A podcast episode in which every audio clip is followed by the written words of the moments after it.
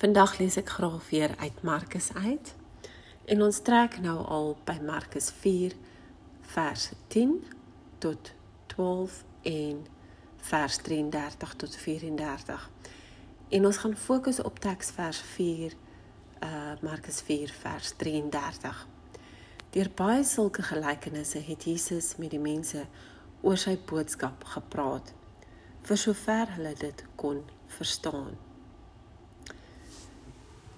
Punte wat ons gaan aanraak is op hierdie stadium van Jesus se bediening het hy al baie met mense gewerk en hulle geleer en steeds het hulle nie die regte gesindheid geopenbaar nie.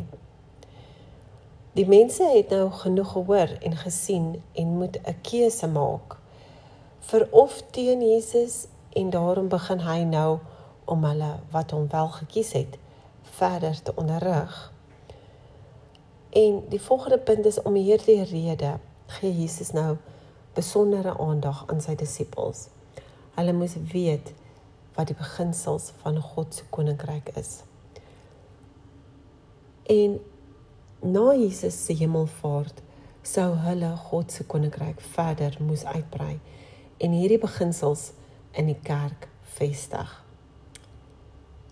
Die laaste punt, die gesindheid waarmee ons na woordverkondiging luister, kan ook vir ons die waarheid verduister of verhelder. Kom ons bid saam. Abba Vader, maak my hart en verstand oop wanneer ek u woord lees en hoor. Help my om dit te verstaan.